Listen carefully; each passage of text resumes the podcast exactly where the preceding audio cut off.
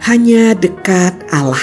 6 Januari 2022 Konteks Lukas 3 ayat 1 sampai 2 Dalam tahun ke-15 pemerintahan Kaisar Tiberius, ketika Pontius Pilatus menjadi gubernur Yudea dan Herodes raja wilayah Galilea, Filipus saudaranya raja wilayah Iturea dan Trakonitis, dan Lisanias raja wilayah Abilene, pada waktu Hanas dan Kayafas menjadi imam besar, datanglah firman Allah kepada Yohanes, anak Zakaria di padang gurun.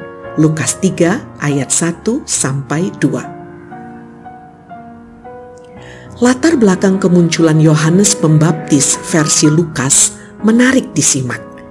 Lukas merasa perlu menampilkan banyak nama pemimpin baik pemimpin politik maupun pemimpin agama. Mengapa Lukas melakukannya?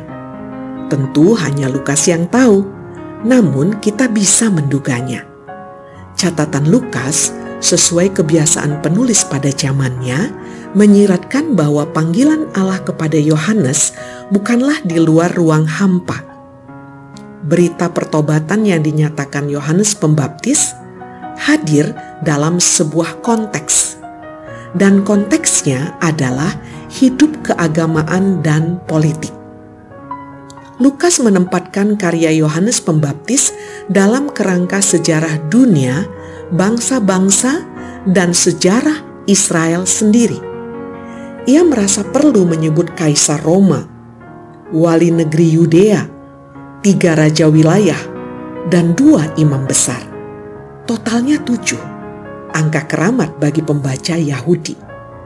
Menarik pula disimak, Lukas tak hanya bicara soal politik lokal, melainkan juga politik global. Pencantuman nama Kaisar Tiberius jelas memperlihatkan hal itu.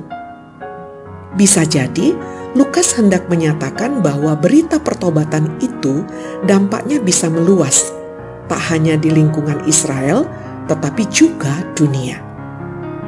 Penyebutan wilayah Iturea dan Trakonitis yang terkenal sebagai wilayah kafir jelas memperlihatkan bahwa berita pertobatan itu bukan hanya untuk orang Yahudi saja, tetapi juga bangsa-bangsa lain.